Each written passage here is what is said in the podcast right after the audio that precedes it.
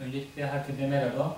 Bugün Aynalı Geçit Söyleşileri kapsamında Mustafa Çelik Doğan ile birlikte yeni kitabı Geçecek Zaman ve Edebiyat üzerine konuşacağız. Ee, öncelikle teklifimizi kabul ettiğin ve bu akşam bizimle olduğu için teşekkürler Mustafa. Ben teşekkür ederim. Ee, ben ilk önce kısaca Mustafa'nın e, biyografisinden bahsetmek istiyorum. Ee, Mustafa Çelik Doğan 1984'te Sivas'ta doğdu. Dil ve Tarih Coğrafya Fakültesi mezunu kendisi. Yumuşak G, Natama, İzafi, Çün, Nepal Fantin gibi çeşitli yayınlarda daha önce öyküleri yayınlandı. İlk kitabı e, Temiz Kağıdı 2017'de, ikinci öykü kitabı Geçecek Romantik'te geçtiğimiz haftalarda canlı yayınları tarafından yayınlandı. Ee, Ben ilk olarak e, genel bir yerden başlamak istiyorum e, Mustafa. İlk öykü kitabın 2017'de yayınlandı, Temiz Kağıdı.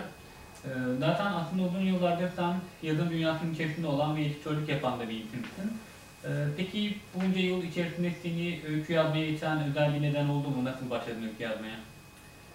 Ee, tekrar teşekkür ederim. ya zaten yazmak istediğinizi biliyorsunuz aslında. Benim için öyleydi. Ben çocukken yani bir şarkıcı olacaktım ya da yazar olacaktım.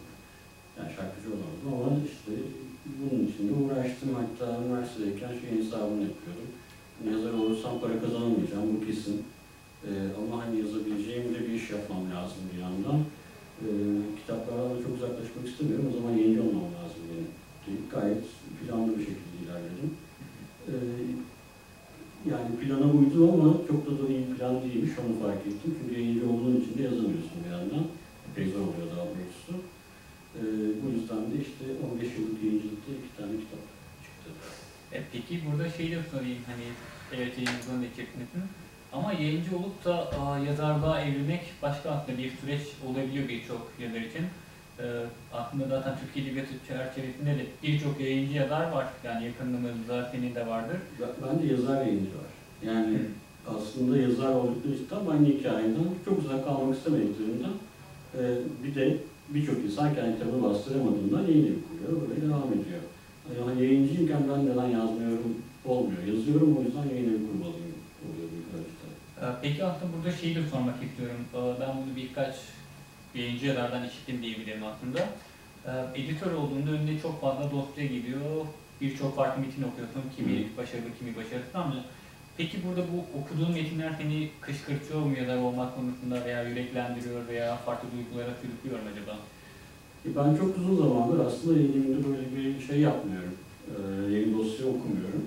Ama daha önceden böyle arada gelirdi bir de şey olurdu, belli bir elimeden geçmiş olanları hani karar veremediyse bu işe bakan editörden bir de Mustafa baksın derlerdi. Öyle bakardım sadece. Ee, yok ya çok etkisi olmadı ama şey, yani ben gerçekten bayağı planlıydım yani ne yapacağımı biliyordum. Yani yolunu bilen biri Tabii. başından beri. Peki genel olarak senin e, kendine has metinlerde fark ettiğimiz bir öykü dilin ve bir öykü anlayışın olduğunu biz söyleyebiliriz bu iki kitap çerçevesinde.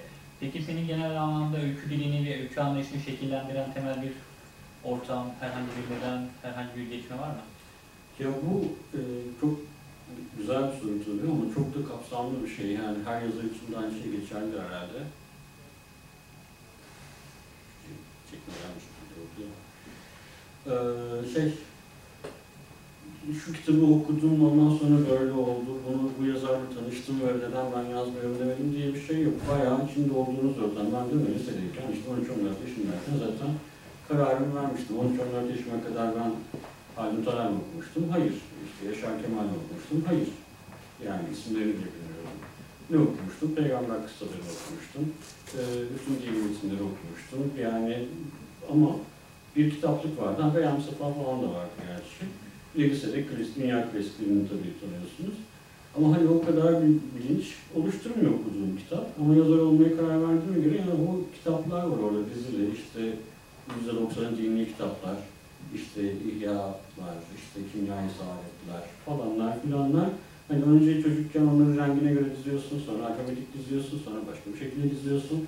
Yani bu senin kitabı ısındıran bir şey oluyor. Bir doğduğumuz, büyüdüğümüz ortam. Yani ben Sivas'ta büyüdüm ve gerçekten e, bizim toplum çok iyi hikayeci. Yani geçenlerde başka bir vesileyle söyleyeyim. Buradaki öykülerden bir tanesinin ismi e, size güzelliği getireceğim. Bu aslında işte herkes bilir bir popüler bir YouTube videosu da geçen bir cümle. Hatta sonunda o şarkı- şiiri teşekkür, teşekkür etmiştim Yunus Sonertaş. Ee, o adamın en çok hayran olduğum kısmı olayı hikayelemesi. Hikaye, o, o olay birçok kişinin başından geçse, o işte şuradaki İstiklal'deki Akbank'ın önünde otururken bir mikrofon tutulmuş, o da başından geçen bir olay anlatıyor aslında. Birçok insan öyle anlatmayacak ve biz de etkilenmeyeceğiz. E, YouTube'un derinliklerinde kalacaktı ama adam o kadar güzel anlatıyor ki, o kadar güzel yerlere dokunuyor ki, neyi, nerede tonlamasını yükselteceğini biliyor, hangi öğeyi öne çıkaracağını biliyor. Müthiş bir hikaye anlatıyor bu yüzden. Bu yüzden de milyonlarca defa. Bizim toplumda yani, dünyanın her yerinde böyledir de benim çevremde de böyleydi. Yani birçoğu ilkokula bile gitmemiş insanlar ama gayet iyi hikayecilerdi. Yani zaten masalda halk hikayesi, şuydu buydu illa ki duyuyorsunuz. Ee, dolayısıyla hani ya ben de bir şeyler anlatmak istiyorum. Bazen yalan, bazen gerçek. Şöyle anlattığım insanlar daha iyi tepki veriyor. Sözlü olandan bahsediyorum sadece. Bir olayı şöyle anlattığımda daha iyi tepki veriyorlar ama bunu biraz geriye çektiğimde çok da hı, iyi tepkiler almıyorum. Böyle dinleye dinleye bir süre sonra nasıl anlatacağınızı fark ediyorsunuz. Bu sadece sözlü oluyor bu arada. Bir süre sonra bunları ben daha da süsleyebilirim ve yazıya geçirebilirim ki burada tam işte üniversite yıllarında çok büyük yazarları daha ciddi okumakla olan bir şey oluyor. Ama bu o yüzden sen kimden beslendin? Ha, evet tabii ki işte Refik Halik'ten beslendim. Tabii ki Tanrılardan beslendim, Oğuz Atay'dan beslendim ama inanın sadece bu değil. Yani o dini metinler, o Yusuf kıssası, yani Yusuf kıssasından beslemedim diyen yazar hakikaten yani yalan söylüyordur yani. Hangi dinden de olursa olsun müthiş bir hikayedir çünkü. Ya da işte mahalledeki bakkal ürünler arasında geçen muhabbet. Ya bunlardan besleniyorsunuz aslında. Öyle kitabi bir şey değil sadece yani. Ya zaten bu Hikayeci. yazılı kültüre gelene kadar sözlü kültürün aslında birçok iklimde çok farklı etkilerinin olduğunu zaten gözlemliyoruz ki Simat gibi işte Erzurum gibi, Mardin gibi Evet. belirli başka şehirler bu işin daha da ön plana çıktığı, daha da e, ne diyelim profesyonel bir şekilde işte bu halk hikaye değil, halk hikaye anlatıcılığının ön plana çıktığı şeyler ki bu çok doğal, normal Evet, bir şey aslında. Ve dediğim gibi aslında şeyle katılıyorum yani bu Yusuf yani kuyu deyince aklımda Yusuf gelme, ilk gelen şey benim Yusuf hiçbir şey gelmez, karanlık falan da gelmiyor. Kuyu deyince ilk aklıma gelen şey Yusuf kıssadır, başka Evet. bir şey bende gelmiyor. O yüzden senin dediği şey çok evrensel ve doğal bir şey bu noktada. Yani o Murakami'nin bir kitabında belki daha fazlası da vardı. Ben çok okumadım ama sürekli bir işte kuyu metaforu. E, Orhan Pamuk'un sondan bir önceki romanında kuyu. Yani taşlıkları. bütün edebiyat tarihinde kuyu var ve hepsi de aslında Yusuf yani. Hepsi Yusuf'u anlatıyor. Yani oradan besleniyor çünkü inanılmaz metafor. Çünkü bir şey Nuri Bilge Ceylan'ın son filmi ya da Hatta öyle bir metin ki yani işte bütün tanrısal kitaplar, Yusuf kitabından bahsetmeyen tanrısal kitap yoktur yani Evet, herhalde bir zorunluluk gibi o kadar etkili bir hikaye ki bütün dinlerde devam edebilmiş bir hikaye. Ee, Peki bir diğer mesele aslında kitapların tasarımıyla, iç yapısıyla alakalı bir konu. Ee, Senin birçok metnin birçok farklı dergide yayınlandı ancak bu kitaplara girmedi. Bu kitaplarda özel olarak seçilmiş metinlerin bir araya getiriyorsun yoksa temel düşündüğün bir konsept mi var? Neye göre bu kitapları oluşturan metinleri tercih ediyorsun? Ee, şöyle daha önce de söylemiştim hani yazıyorsam o yani yazmaya karar verdiysem, oturduysam o benim için oluyor. Yani tek hakem benim. Gönderdiğim insanlardan çok olumlu tepki almasam bile e, yok diyorum bu olmuştur yani. Neyse o. E, bu yüzden yazdığım her şeyi mutlaka aslında koyuyorum. İlk dönemde yazdıklarım ki bence onlar da güzel de belki sonrasında bir düşünürüm. Böyle bir o dergilerde yayınlanan 6-7 tane öykü var. Bir tek onları almamıştım. O temiz kağıt çok acımlı oldu. Biraz da o yüzden elemek zorunda kalmıştık. O yüzden onları koymadım. Şimdi bakınca tabii ki amatörlük bayağı var. Ha, hala var da bunlardan daha amatör ama şey de güzel bence onlar da. Koyar, başka bir zaman belki düşünürüm yani. Ama şey oturup, oturup bir öykü yazacaksam çünkü kafamda epey uzun süre taşıyorum yani öyküyü. O oluyor yani. Yani kimse beğenmese ben beğeniyorum. Yani aslında burada zaten bir yazar olarak, bir sanatçı olarak senin kişisel tercihini istiyorsun. Evet, en önemli şey de bu aslında senin metinlerin arkasında duran ve onları bu kitaba girecek kadar değerli görülen ve altına imzanı atabilmen. Tabii. En önemli şey bu bence de. Yani biraz kibirli olmalı ya sanatçı. Bunun başka şey yok yani. O tevazuyla olmaz. Yani zaten yazar dediğimiz, sanatçı dediğimiz kişide de herhalde okuyucular olarak, dinleyiciler, izleyiciler olarak ilk aradığımız şey bir karakterdir. Ortaya bir karakter koymasıdır, bir kimlik koymasıdır ki senle de karşılaştığımız şey aslında burada temelden de senin de söylediğin gibi bu birazcık. Ee, Birazcık ilk kitabın Temiz Çağ'da dönelim istersen daha kronolojik bir çizgi içerisine devam edecek olursa. Ee, Temiz Çağ'ında dediğin gibi aslında birçok farklı metin var. Herhalde 10 11 metin. 13'tü galiba. Hikayeden oluşan bir kitap. Ee, bu kitap çerçevesinde birçok farklı sınıftan, birçok farklı insana e, anlatıyorsun ama e, ön plana çıkan temel ne diyelim temalar, düşünceler, dürtüler var ki bunların e, ana planda işte kafa karışıklıkları olan, alışkanlıklarından bir türlü kopamayan, hareketlerini işte belirli rutinler üzerinden devam eden ve bu bozulduğunda öfkelenen insanlar bunlar. E, seni bu insanların hikayesini yazmaya yönlendiren ana hikaye nedir?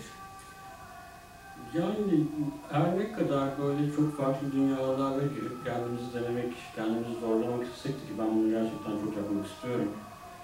Ee, bir noktada yine kendinizi anlatıyorsunuz aslında. Yani cinsiyet değişiyor olabilir, toplumsal sınıf değişiyor olabilir, birçok şey değişiyor olabilir ama aslında anlattığınız hep kendi hikayeniz oluyor. Ee, ben de çok adamım yani o yüzden de hepsinin kafa karışıklığı, benim kafa karışıklığım böyle bir zamanda böyle bir dünyaya doğup büyümek tabii ki kafamı karıştırıyor ve hepsine de bu yansıyor. Ben de şeyi bu sıralar işte ben Şevket Esamdallı'na bakıyorum tekrar. Çok isterdim hatta benim için mutluluk şeydi. Ee, bir tane hamakta Esamdal hikayesi okuyan böyle tonton bir adam. Yani hatta kitapta bir işte e, bir yaşlı kadının öykü vardı, onu hatırlayamadım da. Onu oradan çıkarmıştım. Yani bir bankta tek başına oturan ya da hamakta oturup esanda okuyup böyle gülerken de göbeğini hoplatarak gülen biriydi. Mutluluk oydu benim için. Ama şeyi düşündüm, yok böyle bir şey yani. Yok, ne, neye güleceğiz yani? Neyi okuyacağız da güleceğiz, eğleneceğiz? Okumaya mı vaktiniz var? Bir çorba içtim geldim, 15 lira verdim. Hala aynı yerdeyim ben de. Öyleyken de e, kafa karışıklığından, öfkeden başka anlatacak bir şey kalmıyor. Çünkü benim hissettiğim şey bu yani. Zaten burada söyleyeceğimiz en temel şeylerden birisi senin metinlerinin hayat ile çok iç içe geçen metinler olması. Bunlar kesinlikle hayattan kopuk şeyler değil. Olmaz, Evet. Yani fantastik hikaye yazsam aynı şey çıkacak sonuçta. Bir daha değil kendini. Ee, Burada dikkatimi çeken bir diğer konu da işte kemik kağıdından geçecek zamana giden yolda öykülerin giderek daha da uzama, uzaması, ebat olarak da işte hacim olarak da içerik içerisinde anlattığın şeyler anlamında da. Burada e, senin öykücülüğünde değişen kimi şeyler mi var? Neden böyle bir tercihte bulundun? Biraz da bunu değişmek istiyorum aslında. Ee, Ya bunun somut nedenleri de var. Eskiden dergilere Hı hı. de çok gönderiyordum. Ee, istiyordu arkadaşlar, ben soruyordum falan. Yani dergide olması için de öykünün e, biraz kısa olması Hı lazım. hı. Yani 25 sayfalık öyküyü koyamazsınız, sayıncı değilsiniz. Ee, bu yüzden de illaki hani daha derli toplu anlatıyorum. Bir de tabii başta kendi denememde oluyor mu acaba ya, nasıl oluyor bu iş falan diye. Sonra ya oluyor aslında dedikten sonra ya anlatacaklarım daha fazla. Bir de anlatmayı seviyorum. Yani yani tabii ki isteyen bir yerde okumayı bırakır ama ben lafını gevelemeyi, uzatmayı falan seviyorum. Daha büyük hikaye anlatmayı daha çok seviyorum. Keşke daha fazla tutup düşünebilsem. Yani tamamen bir rutine giren şeyler kafamda bir sürü falan var ama e, olmuyor kolay kolay. E, daha da girift, daha da yani isterse bir sayfa olsun umurumda değil. Yani kimin okuyacağı umurumda değil o kadar. E, yazabildiğim kadar yazarım yani. Lafı da uzatırım gerekirse. Yani burada şeyi de aslında söyleyebilirim. Ben şunu düşündüm acaba. İşte bir hikayeyle kısa hikaye dediğim şeyle birbirinden ayırdığımız bir durum var. Kısa hikayenin kendi içerisinde e, kendi kuralları var. Hikaye dediğim şey biraz daha e, ne diyelim e, sınırları daha bulanık bir şey. Acaba türsel anlamda bir tür bir ayrım var mı? Ve ya şunu da sorabilirim burada ek olarak.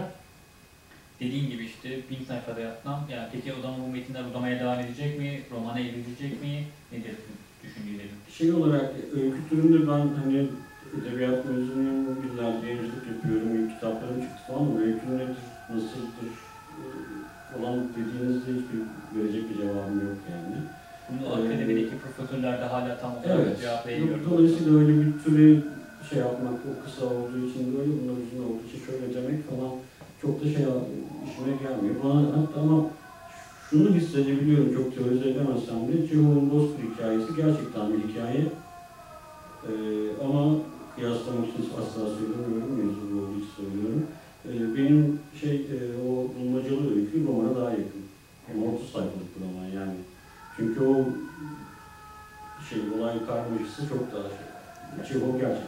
60 sayfalık bir hikaye yazıyor. 100 sayfasında bir bozkır. Ee, bu, bu yüzden o sayfaya falan hiç takılmıyorum, düşünmüyorum. Gittiği kadar gidiyor. Romanda tabii ki yazmak istiyorum ayrıca. Ee, burada zaten aslında başka bir yere değindim. Ee, Mustafa Kutlu mesela. Hı, evet. Bütün kitaplarında hikaye yani. Hı hı. Uzun hikaye olarak. Gerçekten de. gerekli 400 sayfalık uzun bir hikaye olur mu dersin. Mustafa Kutlu için olur. Evet. Ve aslında onlar gerçekten de okuduğunda roman demek içinden gelmez. O hikayedir yani. Bu türde bir ayrımda yapılabilir. Yani şeyde eee Abdülhak Şinasi de mesela roman. Evet. roman diye andığımız kitapların hepsini hikaye ediyor. Yani o da bana şu an bakınca gerçekten roman aslında ama hadi ayrımını yapmasalar hakikaten de yapamam. Yapmak çok güç, evet. Bir de gerçekten yani şeye de baktığımızda işte zaten Halit Ziya çalışan bir film. Yani Halit O- Ziya'nın evet, romanlarından evet, evet. ötekiler onlarda hikayedir yani. Evet, Ama anlattığı şey romandır. evet. Yani burada galiba biraz şeyin etkisi var. Romanın Türkiye'ye geçiş ve adlandırılış sürecinde yaşananlar. Ee, yine Temiz Kağıdı'nda işte 13 hikayede birçok farklı karakteri anlatıyorsun. Burada işte Burjuvazi'den gelen karakterler de var, aristokrat karakterler, e, işçiler de var, işte teyzeler de var, ablalar da var. Aslında birçok farklı sosyal ve ekonomik sınıftan birçok farklı karakterin olduğunu görüyoruz. Ve bunlar benim çok ilgimi çekti. Çünkü kim yazarlar sadece işte aristokratları anlatırken kimileri işte Orhan Kemal gibi daha alt tabakaları anlatır. Kimisi işte bunlar arasındaki çeşitli karşıtlıklar kurarak Haldun Taner gibi. Ama sende böyle bir durum yok aslında. Şehirde olan, ben bunu şu şekilde mi yorumladım aslında.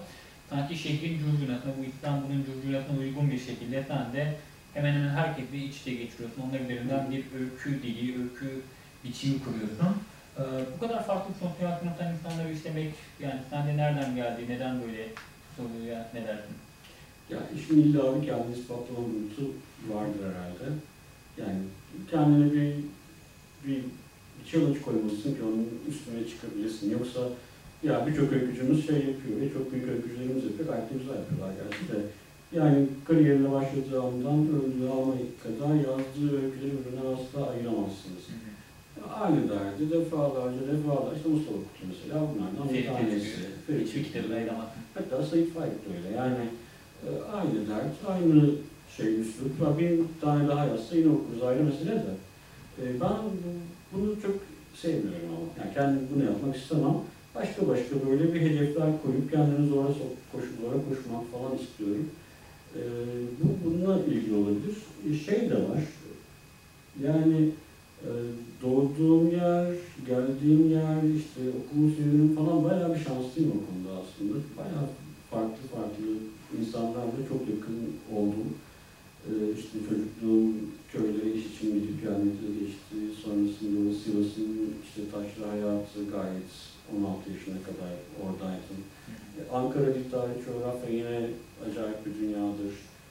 Ee, İstanbul'da yayıncılık çevresine girmek, onunla uğraşmak, böyle daha oturup kalkmayı bilmezken işte koca koca yazarlarla yemeğe çıkmak, ne yapacağını bilemek, evini ko- nereye koyacağını falan. Ee, onlardan acayip hikayeler dinlemek falan. Bayağı hani e, şanslıyım, o yüzden de bunlar da etkiledi bence.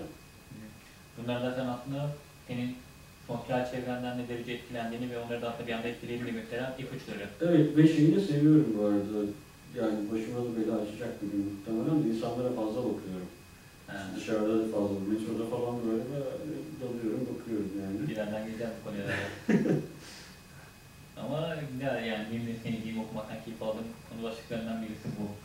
Ee, o zaman geçecek zamanı birazcık e, geçelim istersen. Ee, bu kitapta aslında 5 tane kırktan işte Hacı hı. daha uzun bir hikayeyi anlatıyorsun. Ancak e, bu kitaptaki hikayelerin belirli temalarla ilgili duygular etrafında da bir araya bir ortaklık teşkil ettiğini biz görüyoruz. Buradaki de anlat, az önce konuştuğumuz gibi aslında metinler birbirinden çok ayıramazsın sana hissettiği bir şeyler anlamında. Bu bence değerli bir şey ve bu kitaba bir bütünlük de kazandıran bir şey. Ee, ilk olarak benim burada dikkatimi çeken şey bütün metinlerde bir huzursuzluğun olması. O huzursuzluk hiç yani hikaye bitirdiğinde senin peşini bırakmayan bir huzursuzluktur. Ee, mesela neden huzursuzluk? Huzursuzluk senin nasıl e, ilgini çekiyor? Nasıl bu hikayeleri, bu konsept, bu düşünce etrafını bir araya getirebildin? Ee, Önce şeyi söyleyeyim, yazarken öyle huzursuz bir karakter yazayım falan diye yola çıkmıyorsunuz aslında ve bir hikaye geliyor, kafamda ona komşu olan zaten işte toplumsal düşünceler falan filan var bir şekilde onlar gayet iyi kaynaşıyorlar ve ikisi o hikayeyle o düşünce kol kola bir hikayeye dönüşüyor. Ben dosya bittikten sonra işte beş öyküyü arka arkaya koyup da okuduğumda aslında şeyi çok düşünmüştüm bu arada, isim koyarken falan da zorlandım. Yani bunların hiçbir ortak özellikleri yok ki. Yani farklı farklı öyküler bunlar. Acaba hani hepsine toplu bakmadan önce. Hepsini yazdığımda bunları ne diye birleştireceğim ben? Yani bunlar nasıl bir araya gelecek diye bir düşünmüştüm.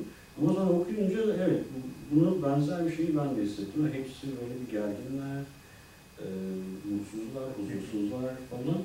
E, bu bir sonuç yani huzursuz karakter yazayım diye değil ama e, siz huzursuzsanız yazdığınız karakterler de karşınıza huzursuz olarak çıkıyor. Yani burada şunu da söyleyebilirim aslında işte Temik Çağları'nda çok da böyle bir durum söz konusu değil bence. Yani bu huzursuzluk meselesi geçecek zamanın meselesi. Evet evet Bu da o geçen herhalde 4 yılda bazı şeylerin öykücülüğün anlamında da işte Türkiye'deki sen dediğin işte sosyal hayat aslında daha daha, daha yakın bir yerde duruyorsun. Bunların zaten seni ne derece etkilediğini işte bazı şeylerin zamanla kontrol dışı bir şekilde değişebileceğini de gösteren şeyler sanırım. Bir de şey de var yani galiba bitmeyecek ya falan. Bu zaman geçmeyecek korkusu var artık. Ee, bu- temiz kağıdındaki öyküler 2007'de yazmıştım yani. O zaman ben politik, siyaseti falan muhtemelen o kadar az okuyordum ki yani kendi derdim vardı sadece. Ama şu anda sadece, sadece politika, sadece ekonomi konuştuğumuz yıllardayız. O yüzden bu da buna yansımıştır yani. Kesinlikle mesela üniversite yıllarım boyunca işte o dönemde ben de çok, ben daha apolitik biriydim yani hiç ilgilenmez, hiç alakadar da olmazdım.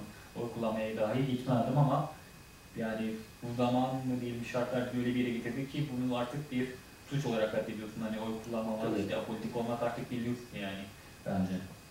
Ee, bu kitapta da dikkatimi çeken bir diğer konu senin mekana yaklaşım e, tarzın. İşte hikaye apartmanda da geçti, ormanda da geçti, işte bir evde de geçti fark etmez ama mekanı kendi anlayışın içerisinde özel bir şekilde kullanıyorsun. Ee, oraya kendinden bir şeyler e, katıyorsun.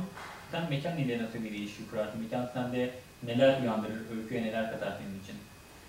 Ya bu çok kafamı karıştıran bir mesele. Yani e, aşırı huzursuz oluyorum mekanla ilgili şey düşündüğümde. O sanki o bir hayaletler varmış gibi falan geliyor sürekli. O yüzden e, o ilk öykü zaten onun, bunun sonucu aslında. Yani sürekli aynı mekanda gidip ve ben çok uzun yıllardır Beyoğlu'nda yaşıyorum. Aynı bölgelerde. İşte günde 4-5 defa İstiklal'de yürürdüm eskiden. Şimdi o kadar değil yani otobüs taşındığı için de. Ee, yine iki defası falan var neredeyse. Ee, sürekli geziyorum, sürekli değişiyor, sürekli değişiyor. Bazı sabit kalan şeyler var. Mesela bu da böyle işte işte İnci Pastanesi şu bu falan değil yani. Bir, bir yerde mesela bir tane duvarda bir tane eskiden kalan bir kablo hattı var. Onun hala orada kalması ve hiç kimsenin onu hala sökmeye akıl etmemiş olması bana daha enteresan geliyor. Ya da işte Anadolu şehirlerinde hala şeyler vardır. Ee, eski posta kutuları içine girip tankasör telefonla konuştuğumuz öyle bir kenarda durur. Ki yani gide gele herkes alışmıştır ona, onun oradaki varlığını tamamen paslanmış bir metal. İçinde ankesör falan da yok artık ama durur bu arada. Belki artık durmuyordu bilmiyorum ama benim aklımda hala birkaç tanesi vardı. Ee, onların orada kalması ama bir zamanlarda aslında bu işle yani daha işlevli olmaları falan çok gerçekten aa, aklım ermiyor bunları, anlatamıyorum da yani. Çok rahatsız ediyor beni. Yani mesela buna benzer bir şeyi bir Ekrem Işın'la konuşmuştuk. Mesela Ekrem Işın'la konuşurken de bir fotoğrafçılık bağlamında. O mesela şeyden bahsediyoruz işte bir ev var, ahşap ev çok güzel, harika bir mekan. Her gün gidip onun fotoğrafı çıkıyor ama onun hemen yanında işte artık derbeder olmuş başka bir ne diyelim bina artığı var. Hı hı. Onun hemen yanında işte kocaman altı katlı, yedi katlı sıradan bir apartman var falan. Yani bu mekanlardaki e, değişim aslında bir tarihsel süreci, hayatımızın, sosyal hayatımızın, ilişkilerimizle nasıl değiştiğini, nasıl farklılaştığını gösteriyor ki mekan bu anlamda işte aslında bir anlamda da zamanın, değişen zamanın şartlarını bize gösteren en temel unsurlardan. Evet. Ya şey, e, böyle bir binalar bitişik oldu. Bazı binalar e, ya- yapılırken yanında bina varsa yan duvarını yapmazlar. O bina yıkıldığında bir anda o cephesi uçmuş olur. Tamam? Böyle örnekler var hakikaten İstanbul'da. E, di- diğeri yıkıldıysa da o evin kullanılan duvarlarını, iç duvarlarını biz dışarıdan görmeye başlarız. Evet. Oraya dikkatli baktığınızda böyle işte bir yerde bir lavabo görürsünüz tamam mı? Bir, duva- bir binanın yanında duruyor. Bir lavabo. Anatomik gibi. Bir tane e, çerçeve asılmıştır ve onun izi kalmıştır. İşte bir hayat, bir poster vardır orada bantları duruyordur falan böyle. Çok acayip. O binanın üçüncü katında biri yaşadı, hayaller kurdu, neler neler yaptı. E, şu anda böyle küçük bir o filmini sadece gelen geçen herkes görüyor ama kimse bunu önemsemiyor. Önemseyip de ne yapacak bir yandan. Bana çok enteresan geliyor. Yani evet vardı, onlar vardı. Bu yüzden de her şeyi kaybetmek istiyorum yani. Not düşmek istiyorum sürekli. Bu, da var, bu da var, bu da var. Yani benzer bir şey. Tam değil de bunu konuşuyorduk aslında. İşte bu gündelik hayatın aslında kimsenin dikkat etmediği şeylerin aslında ne kadar büyük şeyler söylediği. İşte az önce dediğim gibi işte belki bir yerde bir kablo izi kalmıştı. Belki Hı hı. bir orada bir ayna izi vardı. Belki bir ayna vardı ama o ayna yok artık ama onun izi var hala. Evet. Aslında o şeyler bizi hala uyandırıyor. Veya bir yolda yürürken işte o dediğim gibi telefon kulübeleri veya işte bir çöp var ama çöpte olan ufak bir oyuncak bebek sana bambaşka şeyler düşündürtebiliyor ki bu da aslında e, yazarlığın bence sanatçılığın verdiği bir şey işte o sana başka bir göz veriyor ve sen belki oradan işte bambaşka bir hikaye çıkarabiliyorsun. Bence burada önemli bir şey var. E, gelelim geçecek zamana tekrar. Burada e, bir diğer ortak özellik aslında merak unsuru. Senin bu kitaptaki özellikle hikayelerinde hep bir merak unsuru var. Acaba ne olacak? İşte bu hikaye nereye varacak? Nereye bağlanacak? İşte Uber Metanga hikayette de böyle. Tabii hikayeler değil de ben bunu böyle niteliyorum. Ee, bulmaca hikayesinde. İşte o orman hikayesinde de ormanın, ormanın sonunda nereye varacağız? O yazarı nerede bulacağız? İşte hep bir merak unsuru var. Bu işte kimi zaman bir şifre oluyor, kimi zaman e, bir mesaj oluyor, kimi zaman da işte bir karakter, e, bir yazar oluyor. E, bu hikayelerin de merak unsuru neden bu kadar kuvvetli? Neden bu kadar okuyucuya merak ettirmek istediğim bazı şeyleri? Bir yerden sonra şeyi fark ettim. Anlatmak istediğimiz birçok şey var tabii ki ama birçok şey zaten her şey de zaten anlatıldı. Ama böyle şeyi istiyorum. O sayfa asla bırakılmasın. Yani işte biri oradan tatlım şunu uzatır mısın dediğinde bir saniye desin. Bölüm sonuna kadar beklesin. Ee, işte hatta öykü bitene kadar elinden bırak. Mümkünse kitabın tamamını sonuna kadar wow diye bitirsin falan. Hani olmuş mu bilmiyorum ama benim derdim bu. Bu yüzden de gerçekten iyi hikaye kurmak lazım. Yani eskiden böyle düşünmüyordum o kadar işte aslında. Yani iyi bir anlatım. Bundan vazgeçmiş değilim tabii ki. Ama yeterli olur gibi geliyordu. Şimdi bayağı iyi hikaye bulmalıyım ve onun peşinden koşmalıyım. Orayı kırılmalar olmalı. Şöyle de söyleyeyim. Eskiden ben işte Avrupa sineması seyrederdim sürekli. Delice seyrederdim. Hala severim tabii ki. Ama geçen pandemi boyunca Tom Cruise hepsini seyrettim Amerika'ya falan yani Amerikan sinemasını hep severdim ama şey e, ya işte nihayetinde Hollywood istiyor. Evet hani canın sıkıldığında biraz eğlenmek için seyredeceğin filmler falan yok yani yani Tom Cruise hala öyle de e, bayağı müthiş filmler var ve böyle bir aksiyon, bir heyecan falan olmalı bence. Yani bunu tabii ki öyle çıtır çerez bir şeyler yazalım. E, ondan çok okusun bitsin demek istemiyorum ama mutlaka bir hikayeniz olması lazım ya metinde. Ve bugün de bu bayağı sıkılıyor bence. Ben bunu önemsiyorum gerçekten. Bir merak unsuru olsun gerçekten. Aa ne olacak acaba, sonra başına ne gelecek falan falan falan desin okur yani. Ya bu zaten bana kalırsa metin akıcılığını da doğrudan etkileyen ve olumlu anlamda bunu metinlere Evet, evet. yansıyan bir şey. Çünkü bir anda metin bitmiş oluyor yani metin bitene kadar bırakmıyorsun ve ama metin de hızlı akıyor hani seni e, o hedefe hızla yani bir at bir koşu yapıyor ve hedefe çok hızlı bir şekilde varmanı sağlayan bir şey ki bunda da zaten başarılı olduğunu zaten kitaptaki hikayelerden anlayabiliyoruz. Ee, buradan aslında e, spesifik olarak hikayelere geçecek olursam işte sizin zamanınızda öyküsünde sen iki farklı kuşaktan iki farklı karaktere yer veriyorsun. E, onları yine bir mekan ve bir kitap, esasında bulunmuş bir kitap üzerinden birbirlerine bağlıyorsun. E, ancak e, bu hikayeyi okurken işte o karakterlerin işte birbirine ne kadar benzer olduğunu da bir, bir yandan anlayabiliyoruz. Onların hayatlarının bir kitap yani çok basit işte şu kitap belki sahfa bıraksam bir başkasına aynı etkiyi yapar mı yapar mı bilemeyiz ama Hı hı. bir şekilde iki insanı birbirine bağlayabilir, birbirini hiç görmeyen, birbiriyle hiçbir iletişimi olmayan, belki çok bambaşka sınıflarda insanları birbirine bağlayabilir. Ama sen bunu kurarken aynı zamanda işte o iki kuşağın birbirinden ne derece farklı olduğunu, birbirlerine hangi noktalarda yakınlaştığını da bile gösterebiliyorsun.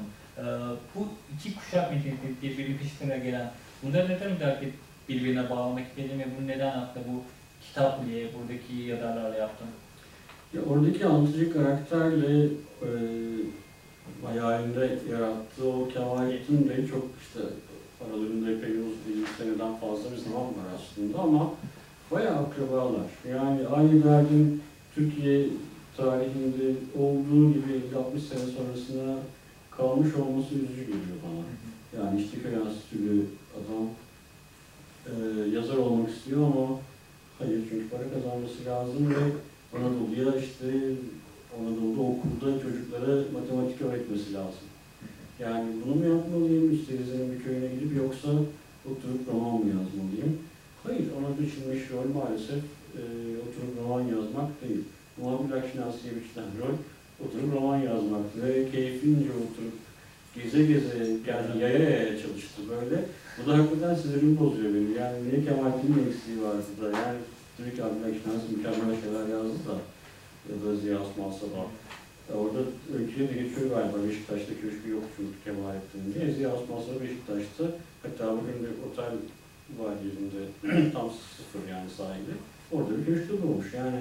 e, Şimdi onun şartlarıyla bu anlatıcı da keza öyle işte yine benden şeyler var. İşte sokakta cam taşıyan elemanla e, Beşiktaş'ta sahilde köşkte doğan Ziya Osman Sabah'ın kitapları çıkacaktı, yan yana konacak. Onun yanına Kemalettin Bey'in romanı konacak falan. Bu Böyle bir şey gerçekten. E, aynı kalmış olması hala o güne kadar bana bayağı koydu yani. O yüzden de e, onlar bayağı ak akrabalar hatta kardeşler yani. Ya burada aslında şunu da söyleyebilirim. Herhalde hayatımın yaptığım en çok alıntılardan biridir bu Tanpınar'a dair. İşte Tanpınar günlüğünde sanırım şey der. Bu memleket e, insanlarına, gençlerine Kendinden kendinden başka başka bir şeyle uğraşma şansı tanımıyor. İşte dediğim hikaye Tamam, çok- Tanpınar bu hala bir aynı şeyleri konuşuyoruz. Bir adım ileri gitmiş değiliz. Hala Tanpınar'ın olduğu yerdeyiz. Bu da zaten bizi onlarla daha iyi bağlayan şeylerden biri işte Tanpınar bugün için bile hala bu kadar konuşuluyorsa işte bu ülkenin hiç değişmemesiyle alakalı şeyler aslında. Maalesef.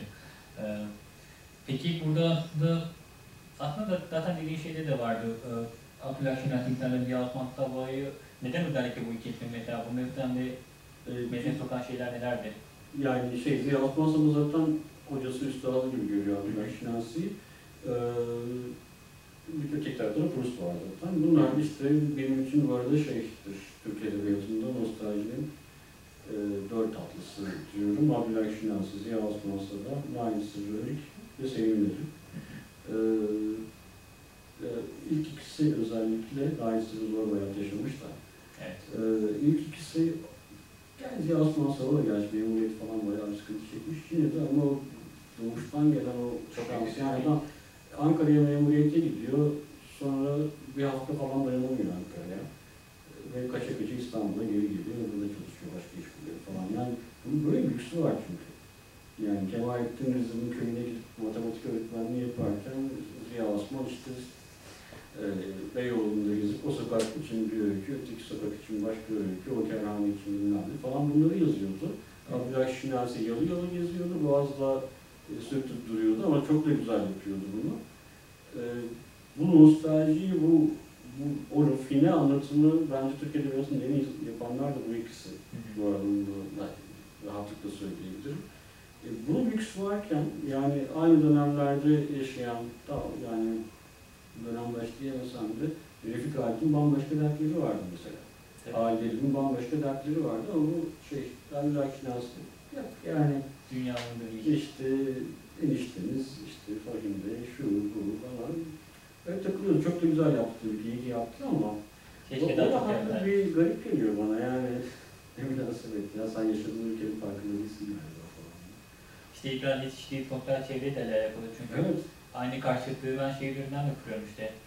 Yani Yahya Kemal burada Park Otel'de kalıp canı ister de Tabii, yani tabii. kafiye bulursa şiir yazarken Ahmet Haşim yani şurada iş çıkar mı, bu sokaktan para gelir mi işte, e, vapur tarif ettiği hangi caddede halkın evine nasıl daha kolay geçerim bunları hesaplarken Yahya Kemal burada Park Otel'de bu ada bakarak e, bir elinde işte önünde istediği sofralar, işte. Atatürk'ün sofrasına konuk olurken bir tarafta bir işte yoksulluk, bir hayat mücadelesi var bu edebiyatlarına da yansıyan şeyler zaten. Ee, Peki bir diğer konuya geleceğim. Ee, Size güzelliği getireceği bir hikayesinde aslında oldukça farklı bir şey deniyorsun. Zaten genel olarak geçecek zamanın e, yapısal anlamda, içerik anlamında daha yenilikçi, daha deneysel e, ne diyelim bir tür oyunlara, daha oyunbaz metinlere yer verdiğini hı. Temel kağıdına kıyasla. Ee, bu e, metinde özellikle böyle size güzelliği getireceği işte bulmacalar vardır. Metinde de aslında zaten boş bırakmışsın. Bildiği gibi okurlar bulmaca çözer gibi yolda onları da çözebilirler. Ee, bu kitabın daha deneysel bir yerde durduğunu görüyorum ben e, senin edebiyatın içerisinde. Ee, neden bu kadar deneysel olmayı bu kitap özellikle istedin? Bu challenge daha önce de değindiğin mesele mi acaba? Ya bu oyuncaklı işler yapmayı seviyorum. Ee, hani aklıma bir, bir çizgilik geldiğinde ki çok çılgınca şeyler değil de neler neler var yaptığım yazısında artık da. Ee, böyle hani neden olmasın ki falan diyorum. Ee, bu arada ilk yazdığım kitaplarda olmayan öykülerde daha da fazlası vardı. O zaman düşündüklerim daha da şeydi.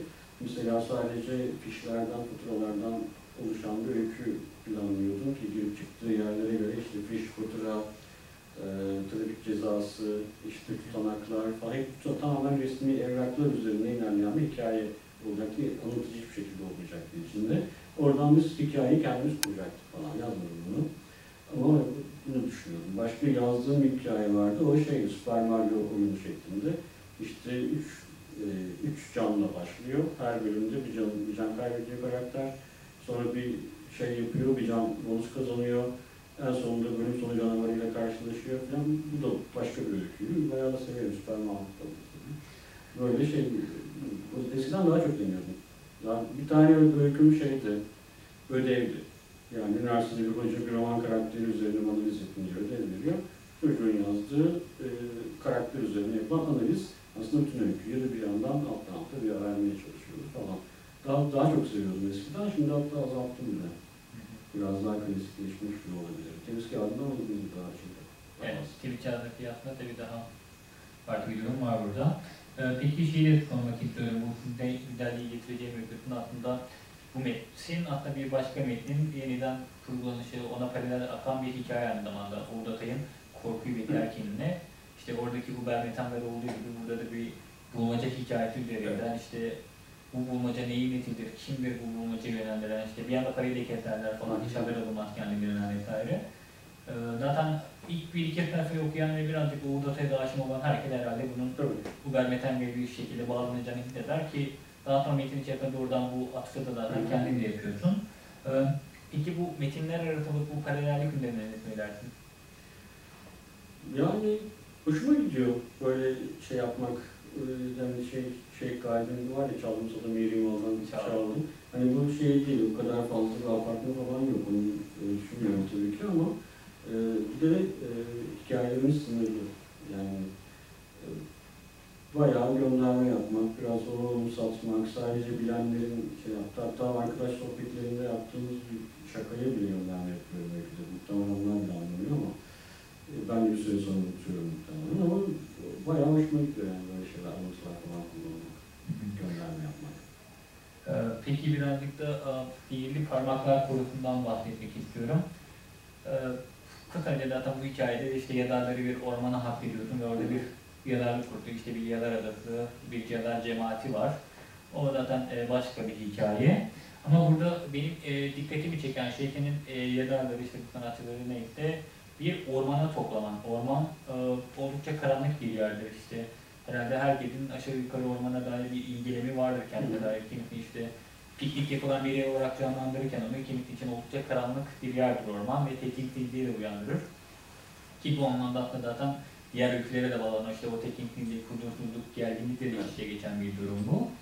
Ee, ben işte bu metin üzerine biraz kafa yordum da hatta yani bunu bir adada da, bir adada 10 tane yazar arasında da geçebilirdi veya bir odada işte bir tek mekan e, hikayesi olarak da geçebilirdi ama Sen bunu yapmak yerine işte ormanın orta yerindeki bir işte ne diyelim köy gibi daha e, geniş bir alana kuruyorsun. Ve dışarıdan insanlar gelebiliyor, kaybolabiliyor, uzaklaşabiliyor. Bu bende bir yandan şey de düşündürdü işte bir kaçış yolu var buradan. Orman nihayetinde bir yere bağlı falan oradan uzaklaşabilirsin. Yani bu anlamda bir karşıtlık var. İşte bu gerginlik varken bu gerginlikten bir kaçma yolu da var. Ee, Bir yere hapsedilmeye evet ama bu yerden kaçabilirsin. Bu anlamda bir karşıtlık da var.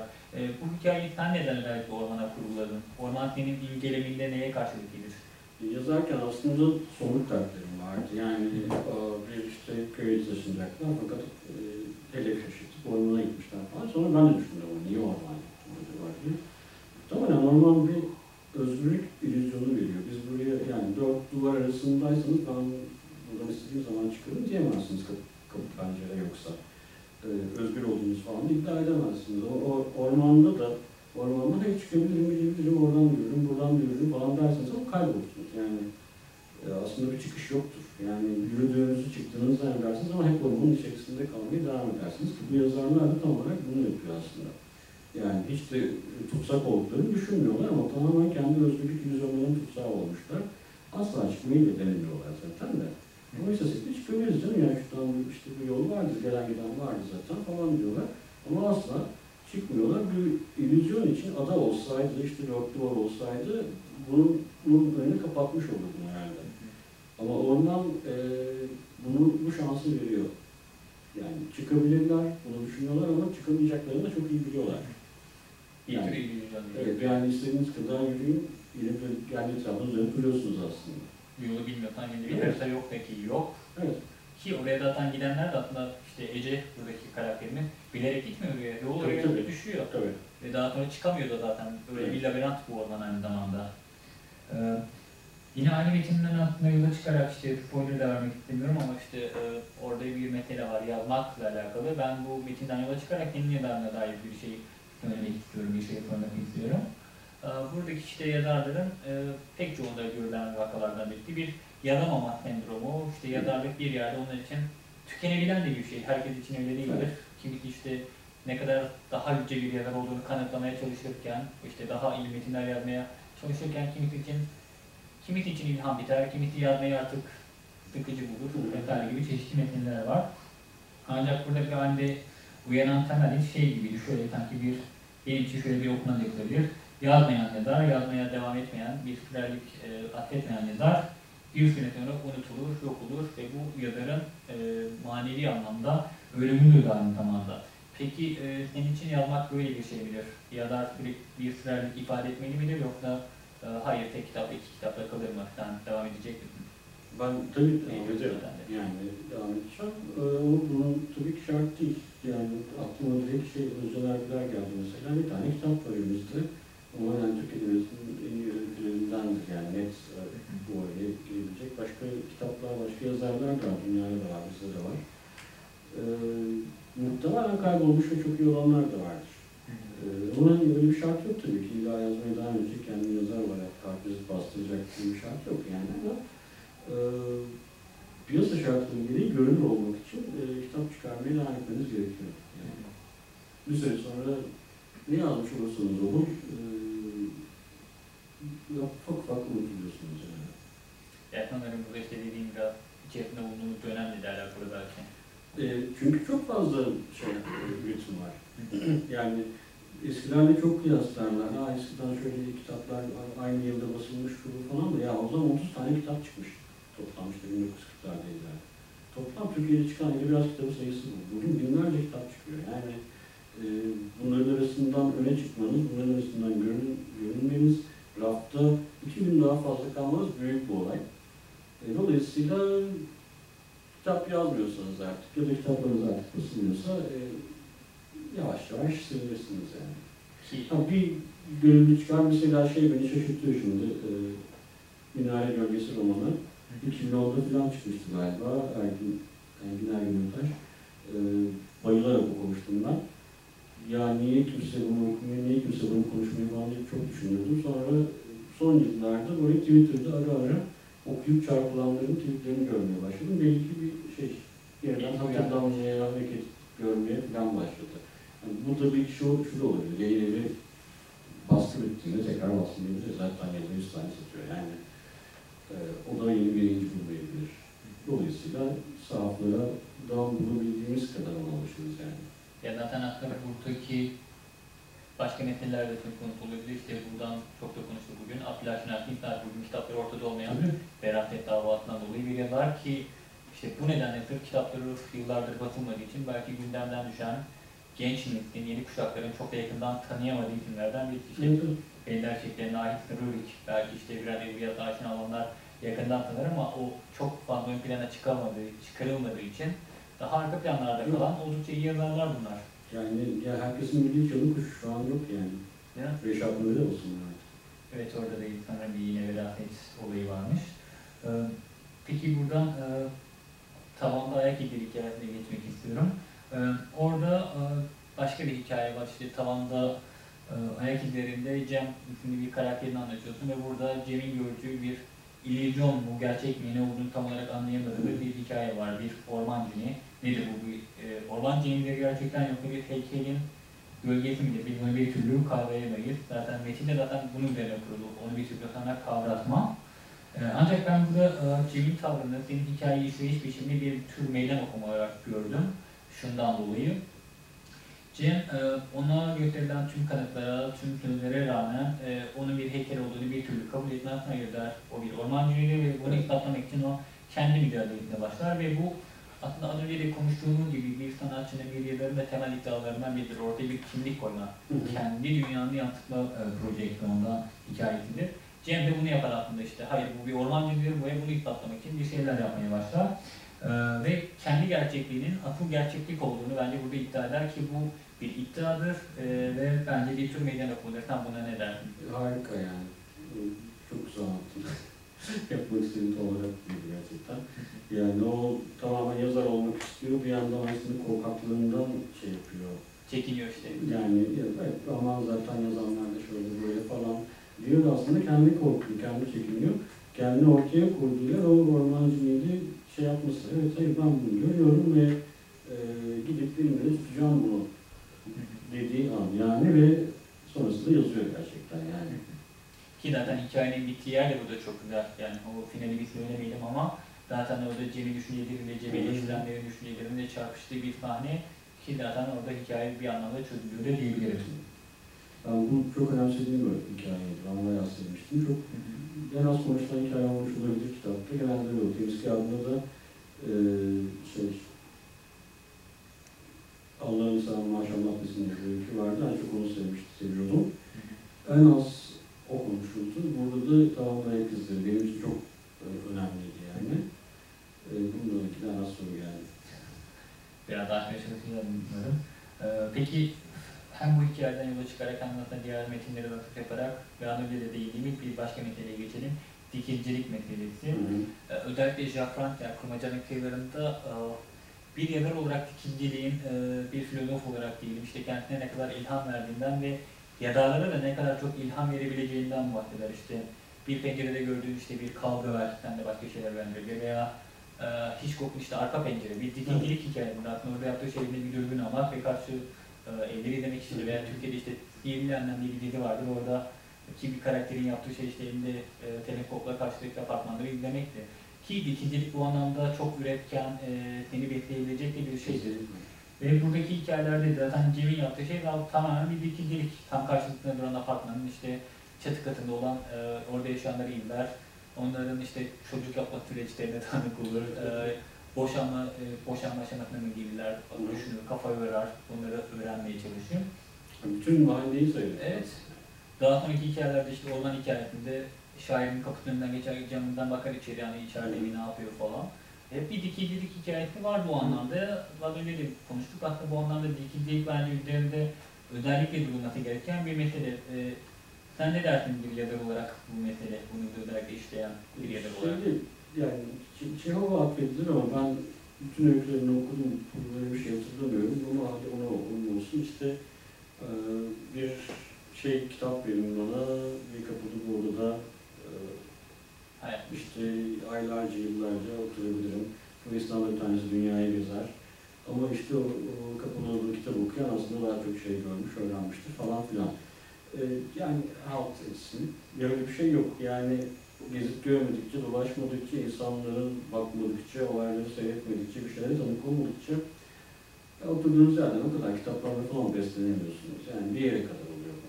Çünkü kendi hikayenizi kendi deneyiminizle yazacaksınız. Yani ben gidip de Neva Caddesi'nde geçen hikaye yazmayacağım ki Dostoyevski okumak bu kadar işime yarasın. Yani o bir tabii ki beni başka bir şekilde besleyecek de ben kendi hikayemin peşinde olmak zorundayım. Bu yüzden de işte dediğim gibi biraz bazen böyle dalgınca uzun uzun insanlara baktığım oluyor, oluyor yani. Bence burada aslında bir başka bir mesele de var aynı zamanda işte bir hayat tecrübesi dediğimiz bir şey var. Dostoyevski hikayelerini okuyabilirsin, evet birçok şey öğretilir ama sen onu yaşamadıysan onun sendeki etkisi de kısıtlı kalır.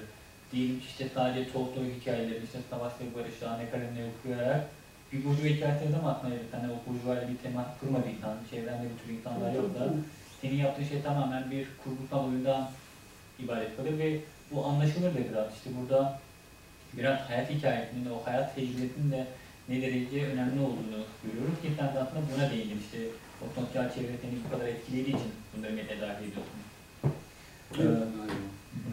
Ee, Bir diğer konuya geleyim. Ee, Cinnet meselesi benim burada karakterlerimde gözlemlediğim ortak da duygulardan birisi. İşte ben bunu kısmen kendi içerisinde işte içerisinde yaşadığımız zamanla uygun bir ruh hali olarak yorumladım. İşte Cem işte kendi inanamadığında cinnet içirmeye meyyal bir karakterdir. Ece olanlara bir türlü anlam vermez. Bu ormanda neler oluyor? Bu yalar kadar kampında mı diyelim işte cemaatinde neler oluyor bir türlü anlayamaz. Her an bir cinnet bir kriz geçirecek gibi bir hal vardır. E, neden senin karakterlerin bu kitap özelinde cinnete bu kadar meyyaldir? Bu daha önce konuştuğumuz iki şeyle alakalı galiba. Birincisi e, bu okulu tutmak, iyi bir hikayeyle beraber okulu tutmak. O eşitteki insan her zaman e, İlgi uyandırıyor. evet merak ettirir. Yani acaba gerçekten kriz geçirecek mi yoksa sakinleşecek mi? Bunu görüp rahatlamak istersiniz. İki türlü de rahatlarsınız okurken ya da seyrederken. E, ben de hani o yüzden o şeyde çizgide tutmayı şey yaptım, dikkat ettim gerçekten. E, bir diğerini unuttum. Birazdan gelirse ekleme yaparsın o zaman. O zaman şeyi geçeyim birazcık. Oranın şarkıları gibi. E, bu hikayede benim en sevdiğim hikayelerden birisi oldu. Yani muhteşem bir bence bir aşk hikayesi. Bu Evet. hani her ne olursa olsun e, kırık bir aşk hikayesi. Karim Ömer'in filminde olduğu gibi. E, burada işte e, isteyen bir karakter vardır. İşte bir yere atanmıştır. Şey, işte, taşradadır işte. Öğrencilere bir şeyler anlatmak ister ama aslında zaten onun çok da karşılığında taşrada bulamazsın zaten. Herhalde bunu hepimiz aşağı yukarı biraz. Yani bulan buluyor aslında o biraz şey yani Kemalettin Bey taşla gitmişti ama o bambaşka bakıyor. Bizim adamı yani asla layık görmüyor ki zaten. Karşısındaki insanları o yüce bilgilerine layık görmüyor. Zaten bir perdeyle gittiği için orada. Tabii ki. Ee, burada işte ama akademiklerin yaptığı bu taşlarda nedir, ne yapar? İşte bir aylaklık hikayesi vardır. Orada sabahtan akşama kadar işte dersi yok da bir şey, programı yok da işte sokaklarda yürür, işte bir tür dikilcidir, etrafına sonra Evet. soluna bakar ve belirli bir yer vardır. işte aynı zamanda e, tanıdığı biridir. İşte ona aşık olur ama aşkını dile getirmez. Bir ikinci olarak hayatına da devam eder. İşte kendine yakıştıramaz böyle bir hı. böyle bir ilişkiyi. Ee, ben burada acaba şunu düşündüm, bu oranın şarkılarındaki gibideki karakterini bir tür aylak olarak yorumlayabilir miyim? Sen ne dersin bu konuya? Bu olabilir herhalde. Yani e, ama şey bu dönem olarak önemli bir şey. Bu dönemde ay- aylaklık e, biraz düştü yani. Kesinlikle. Avrupa'yı bir şey. Bizde de böyle Çok filmlere rastlamayız o yüzden. Evet, hani İstanbul'da olur ve böyle bir gustosu olan insandır aslında aynı zamanda. Ama bugün yani bir maaşın peşinden işte Taşya'daki bir kentte ve karşısına çıkma ihtimali var artık çünkü şartlar böyle yani. O yüzden olabilir, öyle bakılabilir yani. Niye olmasın? Ee, peki artık son sorularına geliyorum. Ee, kitabın sonunda yer alan ve içindekilerde yer olmayan başka bir bölüm var. Ee, işçilere anlatamadığınız şeyler. Tam bu metni neden içindekileri koymadın, onu diğerlerinden ayırdığın temel nokta nedir? Bunu biraz sonra. Yani yine bir şey oyun yapmak istedim aslında, bir şey olsun istedim. İşte o ayak üzerinde Can'ın e, ateşi çaldıktan sonra yazmaya başlamış. Tam benim kafasından çıkacak türde. O yazsa ne yazardı acaba diye düşünüp böyle hızlıca yazdığım metin oldu. E, Cem'e ait olduğunu düşünüyorum. O yüzden de hani benim için, içindekiler sayfamda yok ve e, farklı bir fontla diziydi falan. Böyle o, onun kafasından çıkan ilginç bir metin aslında sadece. Ya benim orada en sevdiğim şeylerden birisi zaten Metin burada diğer hikayelerde olduğu gibi tekrar çok kuvvetli. Aynı hikayeyi tekrar tekrar bıktırarak kadar anlatıyor ama bıktırmıyorsun da buradaki zaten başarı oradan geliyor ve e, Metin bitirdiği yer işte neyse çok anlattım kekelim şimdi. Evet. Kekelim şimdi bitti. Hani metnin bittiği yer, kitabın bittiği yer her şey e, o aslında kitabın bir bütünlük içerisinde, bir kurgu e, içerisinde zaten bir araya getirdiğini de gösteriyor. Bu anlamda bence çok kıymetli bir metin o birkaç sayfada. Ee, Son bir soru e, sormak istiyorum. Ee, Kitabın sonunda bir teşekkür bölümü var. Bir şeye alışıyoruz işte kitaplar şuna ithaf olunur, işte birilerine ithaf olunur, birilerinden ilham alınır. Bunlar genelde işte kitabın başında belirtilir ancak e, sen özellikle kitabın sonunda bir e, teşekkür bölümü koyuyorsun. Burada zikrettiğin birçok isim var ki birçoğu aslında zaten çevremizden bildiğimiz önemli bir biçimde yazarlar, e, şairler, eleştirmenler. E, neden kitabına böyle bir teşekkür bölümü koymak istedin ve e, bu insanların işte çevrendeki bu yazarların, çizerlerin sana işte bu çevre meselesi, sana etkileri nedir? Bunu sorarak bitirmek isterim. Ee, önce şeyi yazmak istiyordum ben. Yani o dedim ya yani gördüğüm her şeyin kaydı düşsün istiyorum. Yani bir zamanlar burada bir dükkan vardı. Bir zamanlar burada şöyle bir adam vardı. İşte çayı içmeden önce mutlaka üç defa koklardı falan. Yani bu- bunların hepsi böyle anlamsız konuştuğum farkında ama bir kayıtlı olmasını falan istiyorum. Öykülerin de öyküleri var, hikayeleri var. Bunları da bu yüzden önemsiyorum. İlk kitapta mesela bu sözlü bir şey aslına bakarsanız. Yani Batılılar hep yapıyor da bizde çok olmadığı için ilk kitabı koymak diye gözüm kesmedi. Ee, hani yani işte daha ilk kitapta ne yapıyor falan derler falan. Bu böyle falan hayır yani kocaman hikayenin hikayesi önemli bence. Herkes keşke yazsa yani bu hikayeyi şu zaman yazdım, şunun üzerine aklıma geldi, şu kadar sürdü yazması falan. Ee, romanlarda vesaire. Bu yüzden hikayelerin hikayelerini mutlaka yazmalıyım diye düşünmüştüm. Onları koydum.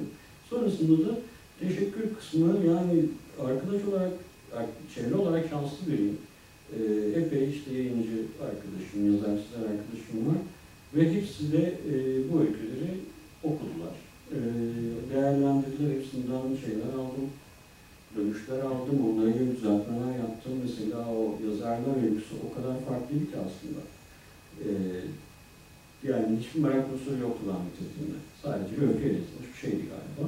Birkaç kişiden böyle dönüş geldi, yayın önündeki birkaç arkadaştan. Ya tamam ama dediler, hani ya çok kötü olmuş da yemekleri için tabii.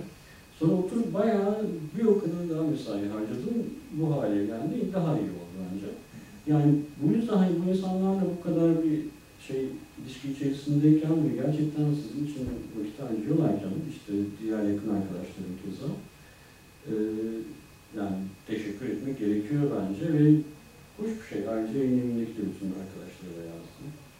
Böyle bu bayağı besleyici yani. Bizim benim edebiyat çevrem, arkadaşlarım e, oturup böyle edebiyat konuşmuyoruz bu arada. Yani çok çok az. Yani edebiyat dedikodusu bile az. Ha, başka şeyler. Yoğurt falan konuşuyoruz yani. İyi yoğurt hangisidir falan diye. Ama besleyici buluyor yani. Bambaşka bir bakış açısı. Yoğurtla ilgili başka bir bakış açısı duyuyorsunuz ve hoş oluyor yani. Ben burayı aslında iki nedenden dolayı önemli buluyorum. Ee, Bunların birincisi aslında Atilla İlhan da işte her şiir kitabında Hı, merak evet, için notlar koyar ve orada şiirlerin bir hikayesi varsa, özel olarak atıf yapmak istediği veya işte o şiire ilgili meseleler varsa onları açıklar. İşte burada gelen eleştiriler var. Dediğim gibi işte okuyucunun elinden işte o hayal dünyasını almak. Neden bunu açıklıyorsun ki? Yani ben bir şey yapamam. evet. Değil tabii. O tabii tamamen aslında kendi şiiri şerh ettiği için Hı. Orada başka bir hikaye var. E, Bir yandan da iyi bir şey çünkü dediğin gibi o hikayenin hikayesini öğrenmek aslında bambaşka bir hikaye ve işte bak bu hikaye neye dönüştü. Bunu görmek, bu aradaki mesafeyi ölçmek bence çok önemli. Bu açıdan çok önemli. İkincisi bence e, burada aslında yazılı olmayan bir biyografi var sana dair. İşte Hı. girişiminde senin kısa bir biyografini verdim ama işte biyografinde olmayan e, bir diğer önemli mesele. İşte çevrende kimler var, seni kimler etkiledi, kimlerle berabersin. İşte bütün bu isimleri yan yana koyduğumuzda kafamızda işte Mustafa Çevik Doğan İlgesi'ne dair de çok önemli veriler. Yani bu dönemi anlamak için kim kimle beraber, kim kime daha yakın.